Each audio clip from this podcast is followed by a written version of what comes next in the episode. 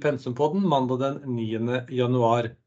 Pensumpodden tar for seg noen av de viktigste hendelsene i finansmarkedene forrige uke, og utviklingen i Pensums forvaltningsmandater. Vi ser også noe på hva som kan komme til å prege markedene i dagene som kommer.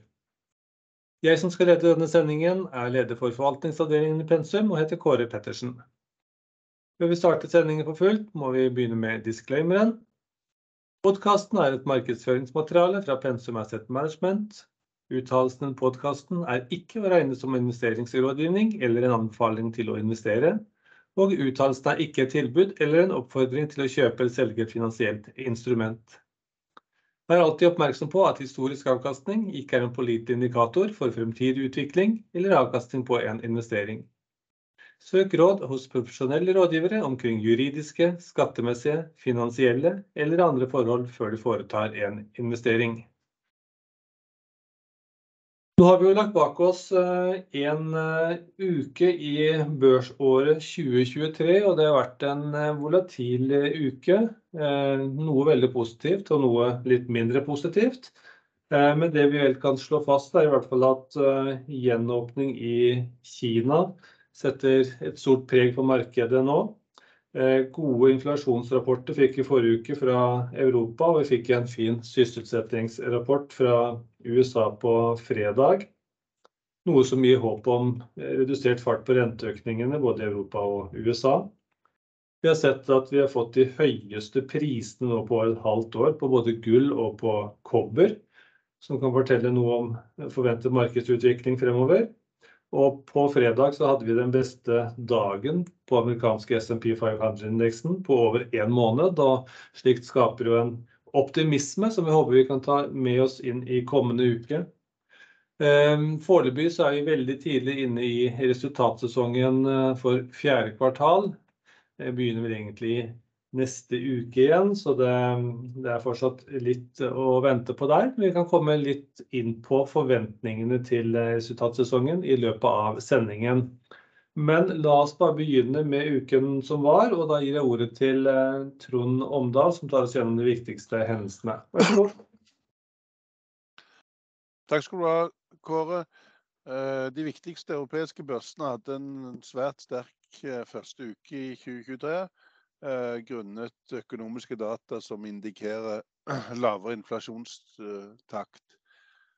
Den brede Stocks Europe 600 indeksen steg med 4,6%, DAX opp 4,9%, CAC 40 i Frankrike hele 6% og Italias Futsi MIB med 6,2%, mens UK Futsi var litt svakere, men opp og sterke 3,3%. Der er jo også energi viktig.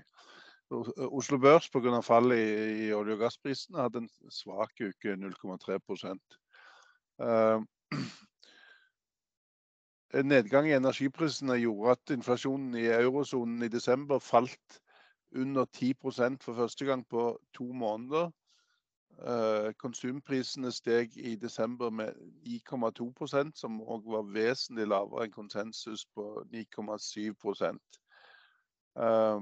Til tross for det så steg kjerneinflasjonen, som ekskluderer energi, mat og alkohol og tobakk, steg likevel til 5,2 og Selv om denne lavere veksten i konsumprisene i desember, så uttalte Frankrikes sentralbanksjef at rentenivået må stige ytterligere for å bremse inflasjonen og indikerte en mulig topp i ECB styringsrenten til sommeren. Markedet indikerer vel at en peak på 3,5%. Andre positive ting i tillegg til lavere konsumprisvekst var at de endelige PMI-tallene for desember, som ble revidert høyere til 49, fra S&P Global, som ble revidert høyere til 49,3 fra 48,8, som tilsier et mindre fall i økonomisk aktivitet enn tidligere indikert. Andre eksempler på at høyere rentenivå begynner å bite og lavere inflasjon var data fra Bank of England, som viste at godkjente søknader om boliglån i Storbritannia i november falt til det laveste nivået på mer enn to år. Låneinstitusjonen Halifax viste at boligprisene i desember i Storbritannia falt for fjerde måned på rad og viste det største kvartalsvise fallet siden finanskrisen. Og samme institusjon forventer et ytterligere fall på 8% i eh, britiske boligpriser. Som allerede nevnt av deg, Kåre, så fikk vi et eh, aksjerally fredag i USA etter en positiv arbeidsmarkedsrapport, som mange ser på som, som månedens viktigste makrorapport både i USA og for, for globale markeder. Eh, de, de, amerikanske aksjeindeksene steg ikke like mye som de europeiske, eh, men S&P 500 for uken var opp 1,45% Dow Jones opp 1,5 eh, mens Nasdaq Composite steg med, med 1 Antall nye arbeidsplasser utenfor uh, jordbrukssektoren, såkalte non-farm payroll, uh, steg i desember med 223 000 mot forventning 200 000. Uh, som altså var høyere enn forventet, men den minste økningen på to år. Arbeidsledigheten var tilbake til septembernivået på 3,5% det laveste siden covid-pandemien. Men kanskje det mest positive uh, for investorsentimentet var at gjennomsnittlig timelønn bare steg med 0,3% i desember. Samtidig ble novembertallene, som òg var lavere enn forventet, novembertallene for gjennomsnittlig timelønn i USA ble òg revidert lavere, som gjorde at årsveksten i desember falt til 4,6% som er den laveste siden september 2021. Sysselsettingsraten steg til 62,3% som er det høyeste nivået siden covid-pandemien.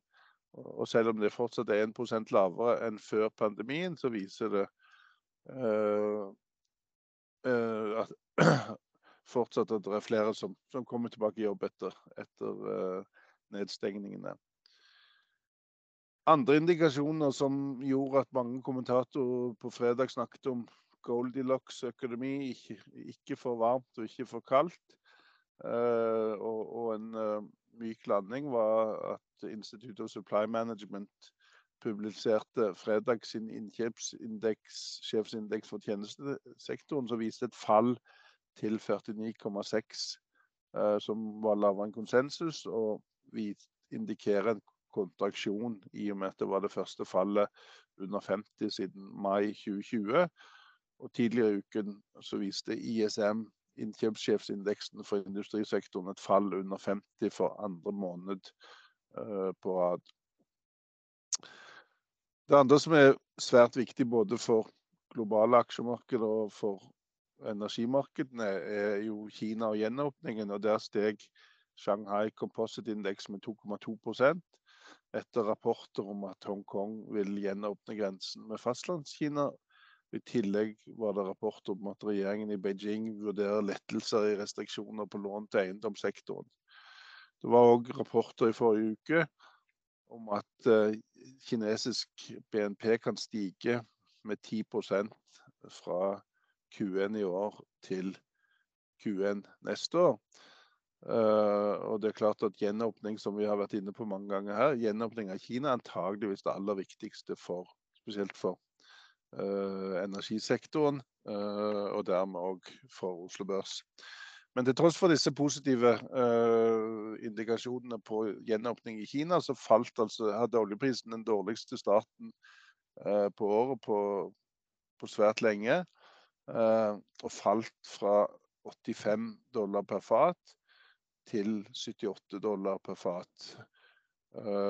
men har steget nå i morgentimene Eh, og handler nå til rett under 80. Og Det er jo fortsatt den resesjonsfrykten. Eh, eh, og så er det jo òg, selv om de fleste indikasjoner tyder på, på fortsatt gjenåpning i Kina, så er det òg dødstall i Kina som av og til som, som skremmer markedet. Og så har vi fortsatt ettervirkningen av uh, de store økningen i, i russisk eksport rett før sanksjonene ble innført. Uh, og fremdeles eh, ut desember så, så, har jo USA fortsatt med tapping av nødlagrene, men som nå vi forventer vil snu og være positive faktorer. Både at russisk uh, oljeeksport faller, at en slutter med nedtappingen av, eh, av nødlagrene, og som tidligere nevnt, gjenåpningen i Kina forventes å, å være en sterk positiv faktor i de kommende kvartalene. I tillegg til fallet i oljepris så, så fortsatte de europeiske gassprisene ned. Og de er nå halvert eh, siden eh, kuldeperioden i begynnelsen av desember. I tillegg til de uh, veldig høye temperaturene på kontinentet, så er det jo òg sesongmessig veldig lav industriell aktivitet uh, rundt jul og nyttår. Så TTF, eh, i Holland, falt på fredag til 20 dollar per million BTU, som tilsvarer ca. 116 dollar per fat. Uh, som absolutt fortsatt er på høye nivåer. Men nå er i tillegg til en halvering siden begynnelsen av desember òg er lavere enn for ett år siden, før Russlands invasjon. Og Derfor hadde som sagt Oslo Børs en svak første uke og, og falt med 0,3% og drevet bl.a. av energi- og, og shippingaksjer. Men på plussiden så var de sterkeste aksjene på OBX Autostore, som var opp 28,2 Nell, eh, som rapporterte sterk en eh, betydelig strategisk ordre, var opp 15,7% og SalMar pluss 7,7 Mens de svakeste på OBX var Rex Silicon ned 10,5% Equinor ned 9,1% med spesielt fall i gass, men også oljepriser. Og MPC Container som var ned 7,3% Da tenkte jeg skulle gi ordet tilbake til deg, Kåre. Takk for det. Jeg sa vel litt sånn innledningsvis om at eh, det var noen råvarer som hadde beveget seg mye i det siste. Vi kan bare snakke litt om det. Vi har jo en del posisjoner innenfor hedgefondet vårt, Pensum Global Opportunities, mot uh, Eh, gullsektoren, en del eh, gruveaktører. Og her ser vi nå at eh, gullprisen bundet ut tidlig i november på ca. 1630 dollar per unse. Og da har vi sett et kraftig rally siden, nesten vedvarende uke for uke. Og har nå kommet opp i 1875 dollar, som er det samme nivået som vi var på i mai i fjor. Så der har vi hatt en veldig fin eh, gjenopphenting. Eh, det samme kan vi si om kobber, som eh, gjerne ses på som en veldig god og pålitelig indikator i forhold til fremtidig global økonomisk vekst i verden. Og ref den tematikken som har vært i det siste knytta til resesjonsfrykt, så er det jo kanskje overraskende for veldig mange å se at vi nå også her er på det høyeste nivået på over et halvt år. Her har kobberprisene steget fra rundt 7500 eh, dollar eh, per metriske tonn i ja, omtrent på samme tiden, rundt eh, slutten av oktober, begynnelsen av november, til nå å passere 8600. Det kan være gode indikatorer på at det står kanskje ikke så fryktelig galt til i verdensøkonomien allikevel. Vi kan også ta med oss at med de gode tallene vi fikk i forrige uke, fra Europa på inflasjonssiden og USA på rentemarkedet, og da spesielt det Trond nevnte med eh, lavere lønnsvekst. altså Lønnsveksten i november, eller desember ble jo rapportert halvert i forhold til i november. Og da har vi sett at eh, tiårsrenten i USA nå er ned fra ca. 3,88 eh, ved nyttår til nå 3,56% noe som bør kunne være positivt for aksjer generelt, og kanskje spesielt da de aksjene med, eh, med, med inntjening inn i fremtiden, sånn som teknologisektoren og eh, også fornybar eh, sektor. Så er det slik at vi er på vei inn i, i rapporteringssesongen. Og ser vi på de to viktigste markedene, USA og Europa, så ser vi ganske store forskjeller i forventningene til inntjeningsutvikling. Så vi starter med USA, så forventes det nå en nedgang i inntjeningen for SMP 500-indeksen på 4,1% I så måte så må vi si at uh, lenge så lå jo forventningene høyt. og Går vi tre måneder tilbake i tid, så var forventningen om at fjerde kvartal skulle bringe en økning i inntjening på 3,5%. Nå sier man en nedgang på 4,1%, så det er kraftig revidering av forventningene. Men det gjør jo også at vi tror at nedsiderisikoen er betydelig tatt ned. Nå er det mer en mye bedre overensstemmelse mellom hva markedet sier og hva analytikerne sier. Men dette står i ganske stor kontrast til hva vi ser i Europa, og her forventes det en økning i inntjeningen på 14,4%. Og da snakker jeg om i begge tilfellene i relativt til fjerde kvartal i 2021, altså tolv måneder tilbake i tid. Sånn sett så forventes det en mye sterkere utvikling i Europa enn i USA i relativt til samme kvartal ett år tilbake i tid.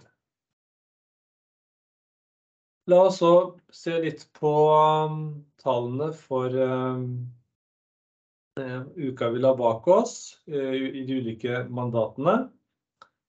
Da kan vi bare aller først begynne å gjennomfriske noen av de tallene som Trond var inne på. Og det var at i forrige uke så falt Oslo Børs 0,3%, mens verdensindeksen den steg 2% målt i dollar, men hele 3,85% målt i norske kroner. I og med at norske kroner fikk sin svakeste start på året på veldig, veldig lang tid. Veldig mye dratt ned av olje- og gassprisene og svakhet i energiaksjene.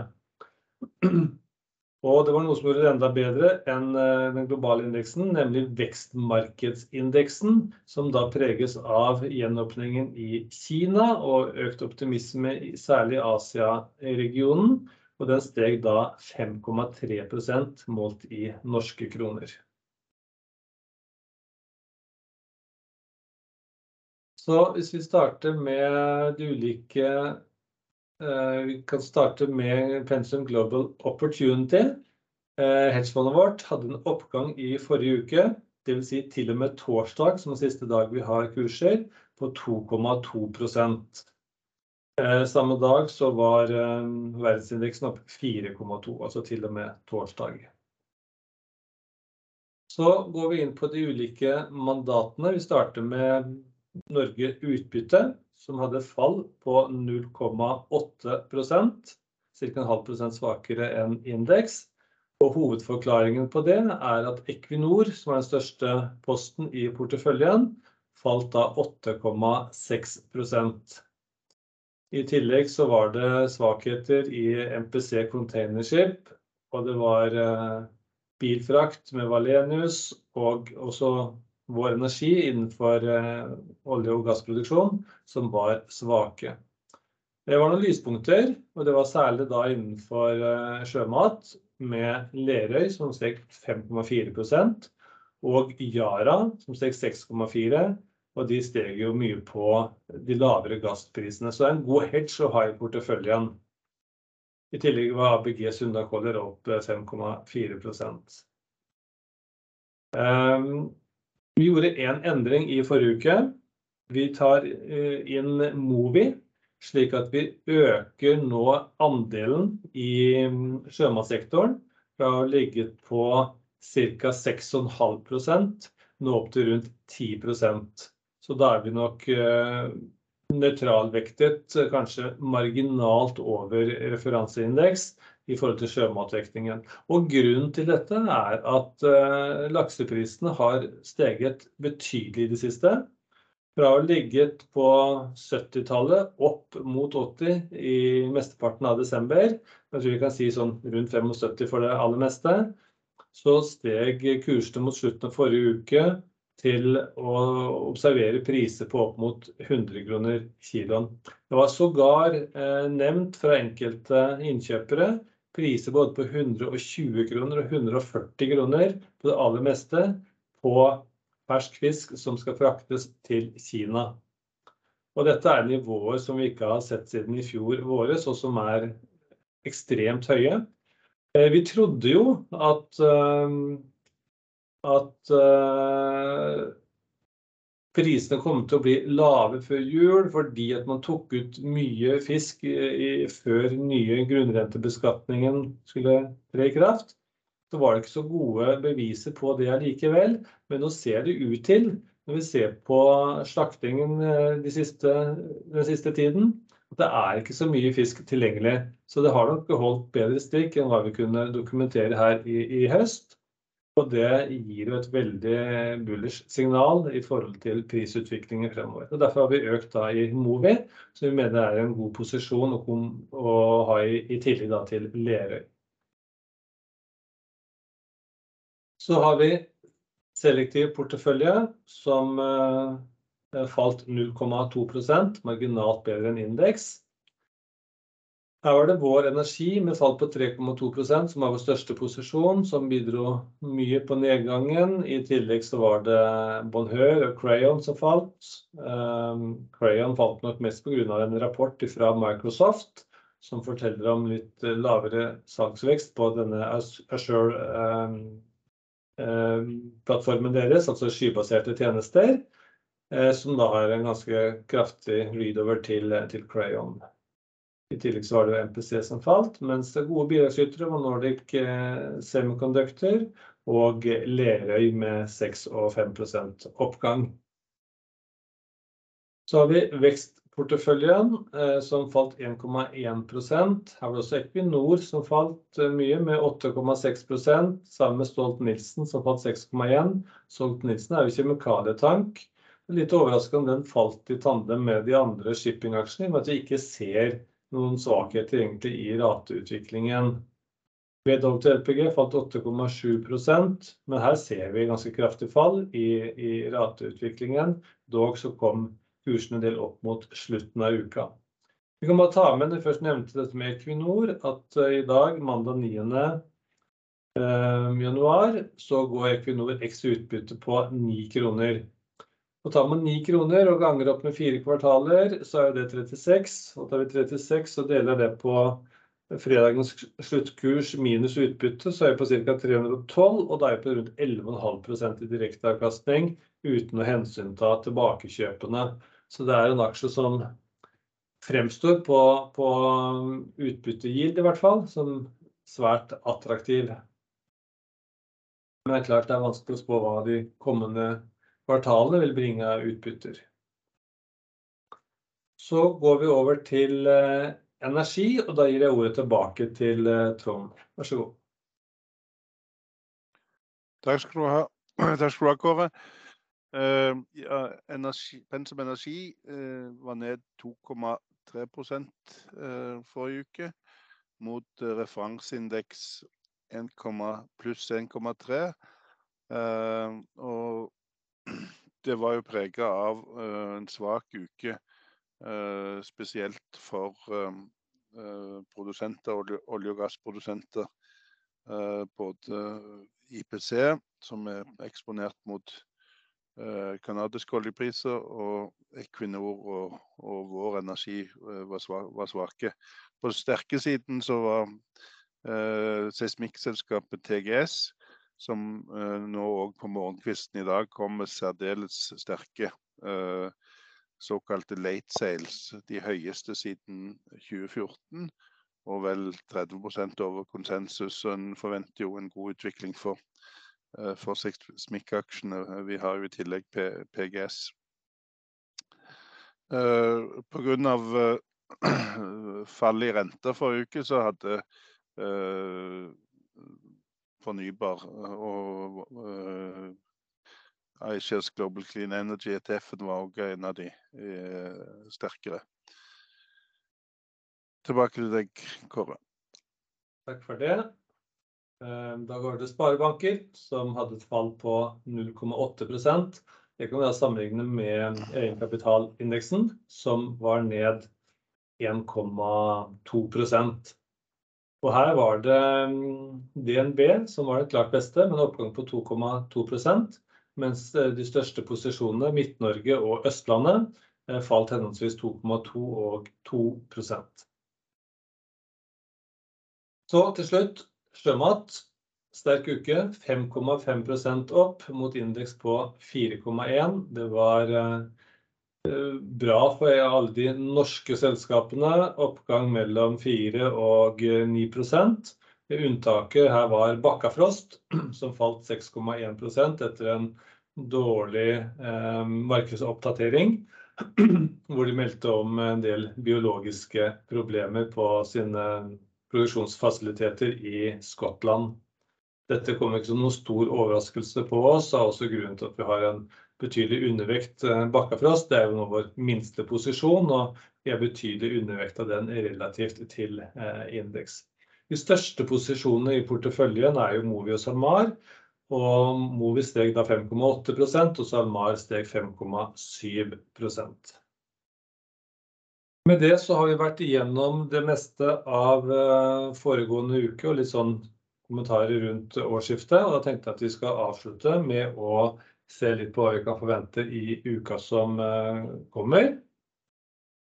Så da gir jeg ordet tilbake igjen til Trond, som tar oss gjennom kalenderen for denne uka her. Vær så god, Trond! Takk skal du ha, Kåre. Nok det viktigste er inflasjonstall. Og på torsdag kom for både i Asia, Europa USA, og kanskje viktigst er på torsdag, da det for Kina kommer både KPI og altså konsumpriser og produsentpriser, og USA konsumpriser. Men i dag så kommer arbeidsledighet for november for eurosonen, i tillegg til i Tyskland industriproduksjon november. Og så for oljesektoren så kom Oljedirektoratet med sin årsrapport for sokkelåret 2022 og pressekonferanse. For Norge så kommer konsumprisindeks og produsentpriser i morgen for desember. I tillegg så er det et to dagers olje- og energipolitisk seminar i Sandefjord som tirsdag og onsdag. I Japan så kommer det i morgen, tirsdag, forbrukerkonsum for november og KPI for desember. I Danmark og Nederland også konsumprisindeks. Og for Sverige industriordrer, forbrukerkonsum og BNP for november. Og i Frankrike industriproduksjon november, og for eurosonen boligprisindeks tredje kvartal. Og USA kommer Redbook detaljhandel og API sine lagertall på kvelden tirsdag. På onsdag så får vi de ukentlige magasinfylling og kraftsituasjonen fra NVE. I Tyskland maskinordre november og de viktige oljelagertallene i USA. Torsdag så kommer BNP for november i Norge, og som allerede nevnt, i Kina så kommer KPI og altså konsumprisindeks og produsentprisindeks for desember. I USA konsumprisindeks for desember. På fredag så kommer handelstall og både eksport- og importtall og handelsbalanse i Kina. Sverige KPI for desember. I Storbritannia BNP november og industriproduksjon november. Og i USA så kommer University of Michigan sin Consumer Confidence, altså forbrukersentiment, i tillegg til Baker Hughes sin ukentlige borostatistikk. Tilbake til deg, Kåre. Takk for det! Da har vi kommet igjennom ukens podcast. Takker for dere som hørte på og ønsker på gjenhør. Takk for i dag!